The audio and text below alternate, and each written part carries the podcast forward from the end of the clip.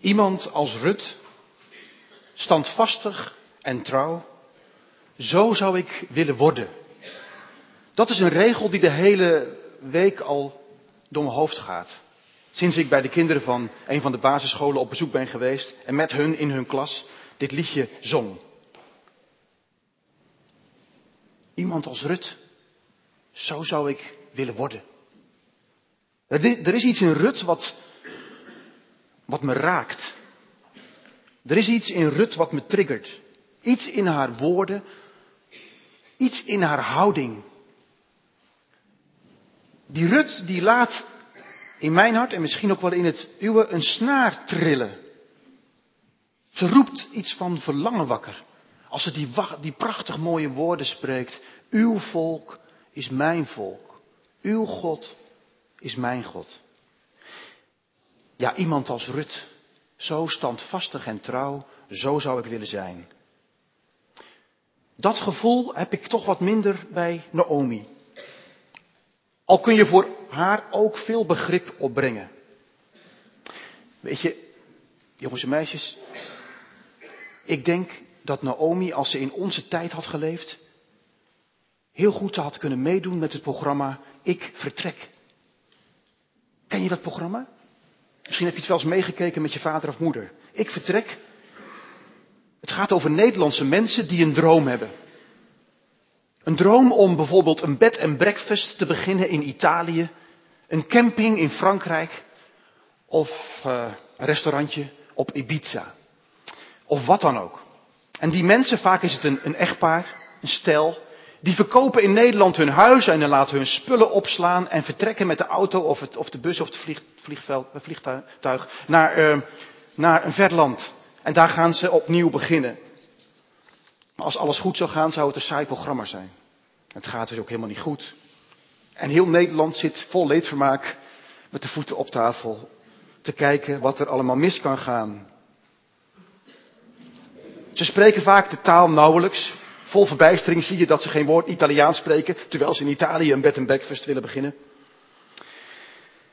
Veel kaas van de cultuur hebben ze vaak ook niet gegeten. Ze gaan met hun Hollandse klompen dwars door alle codes heen. Dat helpt ook niet, maak je geen vrienden mee.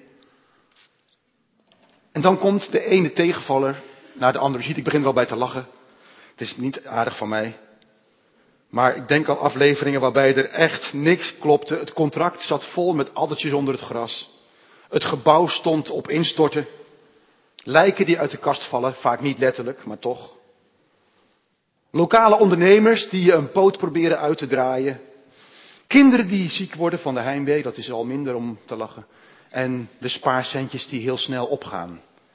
Nou, het lachen vergaat je wel, want je krijgt gaandeweg al kijkend te doen met die mensen. En je denkt, mijn hemel, hoe gaan ze dit volhouden? Hoe trekken ze dit? Houdt hun huwelijk stand en blijven ze? En vroeg of laat komt de vraag in iedere aflevering wel naar boven. Zouden we niet teruggaan? Terug naar Nederland. Terug naar het land van pindakaas. Terug naar het vertrouwde. Terug naar een vaste baan. Naar de familie. En gewoon lekker Hollands praten. Nou, Naomi, ze weet precies hoe dat voelt. Ook zij is ooit vol goede moed geëmigreerd. Vanuit Israël naar het buurland Moab. En ook haar zit het bepaald niet mee. Ze is nog maar net aangekomen of haar man sterft. En haar, haar zonen, ze trouwen met twee Moabitische meisjes, ieder met één. En ze hebben dus twee bruiloften en dan zijn ze tien jaar getrouwd, maar ze krijgen geen kinderen. En tot overmaat van ramp sterven dan ook nog die twee zonen en blijft Naomi alleen achter met haar twee schoondochters in een vreemd land met stukgeslagen idealen en vervlogen dromen. Zonder kinderen, het betekent in het Oude Oosten dat je geen toekomst hebt. Geen kinderen die voor je zullen zorgen als je oud bent. Ook geen kinderen en nakomelingen die jouw familielijn zullen voortzetten. Je leeft op een doodlopend pad en je hebt geen perspectief. En zo word je ook gelabeld. Op verjaardagen en partijen en als Naomi door de straten gaat, dan zeggen de mensen, daar heb je Naomi. En ze kijken elkaar veel betekenend aan. Ze is niet gezegend. Ze is niet geliefd door God. God heeft iets tegen haar misschien. Zou ze gezondigd hebben? Is ze door God op een zijspoor gezet? Afgewezen? Gestraft? Dat is hoe Naomi het zelf ook beleeft. En zo zegt ze het ook ronduit. De Heer is tegen mij. De machtige Heer heeft mij ongelukkig gemaakt. Net als jullie jongens en meisjes heb ik het verhaal vroeger op school veel horen vertellen. En de juf of de meester vertelde dan dat God boos was op dit gezin. Dat gezin dat, zo, dat dacht zomaar op eigen houtje in een heidens, goddeloos land te kunnen gaan wonen. En daarom heeft God dit gezin zwaar gestraft en de vader en beide zonen uit het leven weggerukt. Kreeg er als kind de rillingen van, als ik eerlijk ben. Een God die allerlei ellende over mensen laat komen om ze een lesje te leren, om ze tot de orde te roepen. Een God die zo bikkelhard straft. Op zoiets als een begrijpelijke zoektocht naar een boterham om te eten. Dit donkere beeld van God spookt nog altijd rond en zeker op de Veluwe. En ook in Lunteren en misschien wel in uw of jouw hart en hoofd. Maar soms krijgt, die, krijgt, dat spook ineens een stem. Als je in de ellende zit of op een condolence komt en je hoort iemand naast je mompelen. Ach, het zijn geen mensen die het je aandoen. Of, en het klinkt allemaal heel vroom, het heeft zo moeten zijn. De slaande hand Gods, zegt een ouderling. En in de rouwadvertentie staat als iemand door een noodlottig ongeluk om het leven kwam, veel te jong. Het heeft de Heer behaagd op zijn tijd en wijze uit dit leven weg te nemen. En vol verbijstering krap jezelf achter de oren. Mogen deze roepstem geheiligd worden aan ons aller hart. Het zijn onheilspellende, het zijn duistere woorden. Die horen bij een duister godsbeeld. En als uw geheugen nog een beetje in orde is, dan komen nog misschien flarden van die oude zondag uit de Heidelberger naar boven, die je vroeger uit je hoofd moest leren. Dat regen en droogte, vruchtbare en onvruchtbare jaren, gezondheid en ziekte, rijkdom en armoede en alle dingen niet bij toeval, maar uit zijn vaderhand ons toekomen. Het is wel hoe mensen het kunnen beleven. En het is ook hoe mensen het kunnen verwoorden tot in beleidenisgeschriften toe. En het is ook wat we bij Naomi proeven. Maar de vraag is, is dit ook de werkelijkheid van God? En is dit de God die we in het boekje Rut tegenkomen? En in het geheel van de Bijbel? Ik kom er zo op terug. Overigens is het met Naomi, is er over Naomi meer te zeggen. Ze is in al die jaren in den vreemde haar geloof niet helemaal kwijtgeraakt. Ze is nooit de goden van Moab achterna gegaan. Want als ze hoort dat de Heer medelijden heeft gekregen met zijn volk, besluit ze op dat moment terug te gaan. En als ze onderweg afscheid neemt van haar schoondochters, zegent ze hen in de naam van God. Oké, Naomi loopt veel te mopperen en te klagen, maar ze klaagt en moppert wel tegen God. Die is voor haar niet afgeschreven. En iedere stap op die lange weg naar huis is ook een vorm van geloofsbeleidenis. Want in iedere stap zit iets van verlangen en nog een klein beetje verwachting van de God die weer naar zijn volk heeft omgezien. We snappen Naomi wel. Naomi is niet ver weg. Naomi zit bij ons van binnen, toch? Naomi is een mens zoals u en jij en ik. Ze probeert er het beste van te maken. Ze moppert wat, ze klaagt wat. En ze hoopt wat en gelooft wat. Ik weet niet hoe u naar Orpa kijkt. Orpa, ze staat op de plaat, ze is op, ze is op de weg terug, jongens en meisjes, zie je haar? Orpa is dat kleine stipje daar, die, die kleine gestalte die al op de terugweg nog even omkijkt, maar ze is eigenlijk weer terug naar Moab. En vroeger op school leerde ik dat Orpa slecht is. Orpa toch. We hebben ons oordeel zo snel klaar, maar in het hele boekje Rut zit geen oordeel. We zeggen, Orpa is de afvallige. Ze ging wel een eindje mee, maar niet helemaal. Maar er is toch veel meer te zeggen over Orpa. Heeft Orpa niet veel meer gedaan dan, dan je van haar mocht verwachten? Na het overlijden van haar man is ze bij haar schoonmoeder gebleven. En Naomi bedankt haar uitbundig en zegt, Orpa, je bent zo goed voor mij geweest en zo goed voor mijn zoon. En als ze bij de grens komen, dan doet Naomi iets heel plechtigs. Ze spreekt een zegenspreuk uit. En in die cultuur betekent het echt een ontbinding van, de, van, van het contract. En ze zegt tegen Orpa, Orpa, je bent echt vrij. Ga in vrede en ga met de zegen van God. Zijn zegen heb je. Is er niet meer toekomst voor jou in je eigen streek, in je vertrouwde omgeving? Orpa treft geen blaam. Ze is een hele goede schoondochter en schoonzus. En nu ontvangt ze de zegen van God. En ze respecteert de uitdrukkelijke wens van haar schoonmoeder en keert in vrijheid en vrede en gezegend door de Allerhoogste God terug om met die zegen een nieuw leven op te bouwen. En wie weet wat die zegen in haar leven heeft uitgewerkt. Orpa is een mens zoals u en jij en ik.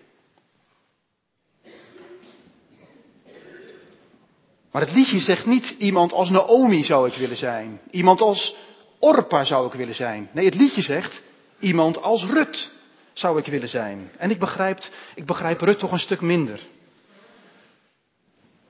Want laten we eerlijk zijn, ieder van ons zou waarschijnlijk, net als Orpa, terug zijn gegaan. Maar Rut doet het uitzonderlijke. Ze gaat een grens over. Ze zet bewust haar voet op onbekend gebied.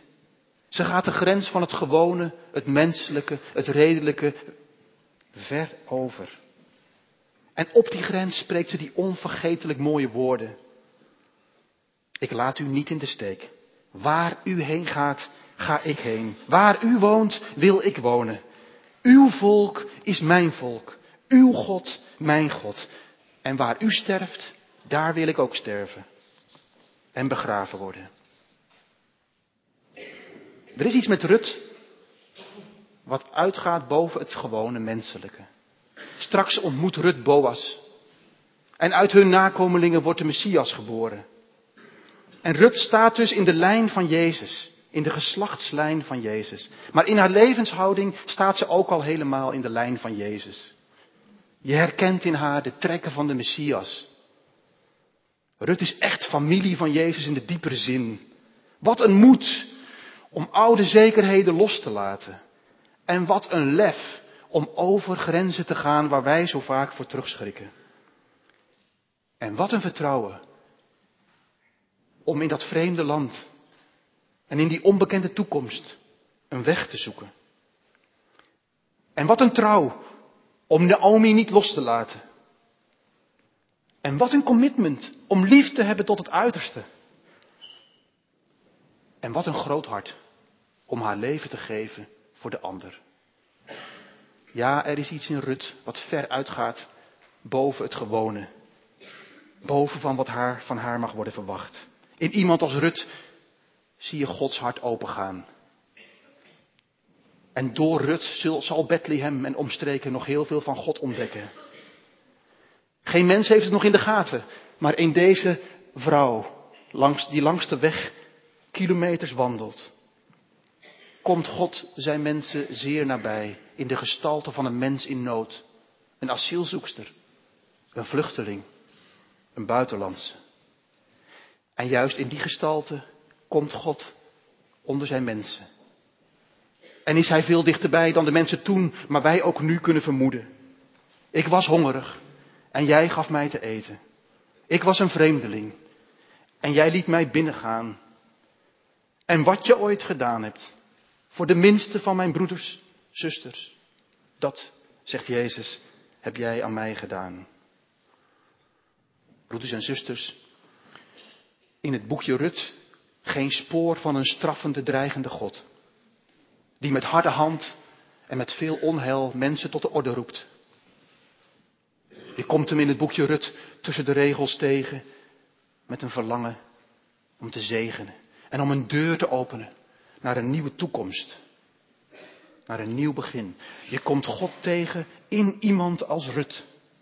Iemand die dichtbij is. Terwijl wij er vaak geen erg in hebben. Net zijn als Naomi die loopt te mopperen en te klagen en bang te zijn. En boos te worden. Jongens en meisjes, mensen als Rut zijn er altijd geweest. En weet je, dit is wat ik vanmorgen tegen jou wilde zeggen. Al zou je de hele preek vergeten, wil je dan dit alsjeblieft onthouden. Iedere klas, ieder gezin, iedere straat, ieder team, iedere gemeente, iedere jeugdclub heeft iemand nodig als Rut. Iemand in wie iets zichtbaar wordt van wie God is en wie Jezus is. En weet je, misschien is dit vanmorgen wel jouw moment. Misschien zit jij vanmorgen wel in de kerk en zeg je, iemand als Rut, zo zou ik willen worden. Nou, zeg het dan maar tegen de Heere God, in je hart, vandaag, nu of straks als je thuis bent of op je fiets zit. Heer, uw volk is mijn volk en uw God is mijn God. En voor de iets ouderen zeg ik, over twee weken vieren we avondmaal. Is dat jouw moment? Om dan te zeggen, uw volk is mijn volk. Uw God is mijn God. En op Palmzondag doen er mensen beleidenis. Is dit jouw jaar? Is dit uw jaar? Dat je zegt, ik doe een stapje naar voren. Uw volk is mijn volk. En uw God is mijn God. En morgen op je werkplek. En in allerlei kleine beslissingen. In het leven van iedere dag. Zeggen wij het met ons doen en laten. Uw volk is mijn volk. Uw God is mijn God. Iemand als Rut. Zo zou ik willen worden. Iemand als Rut. Zo zou ik willen zijn.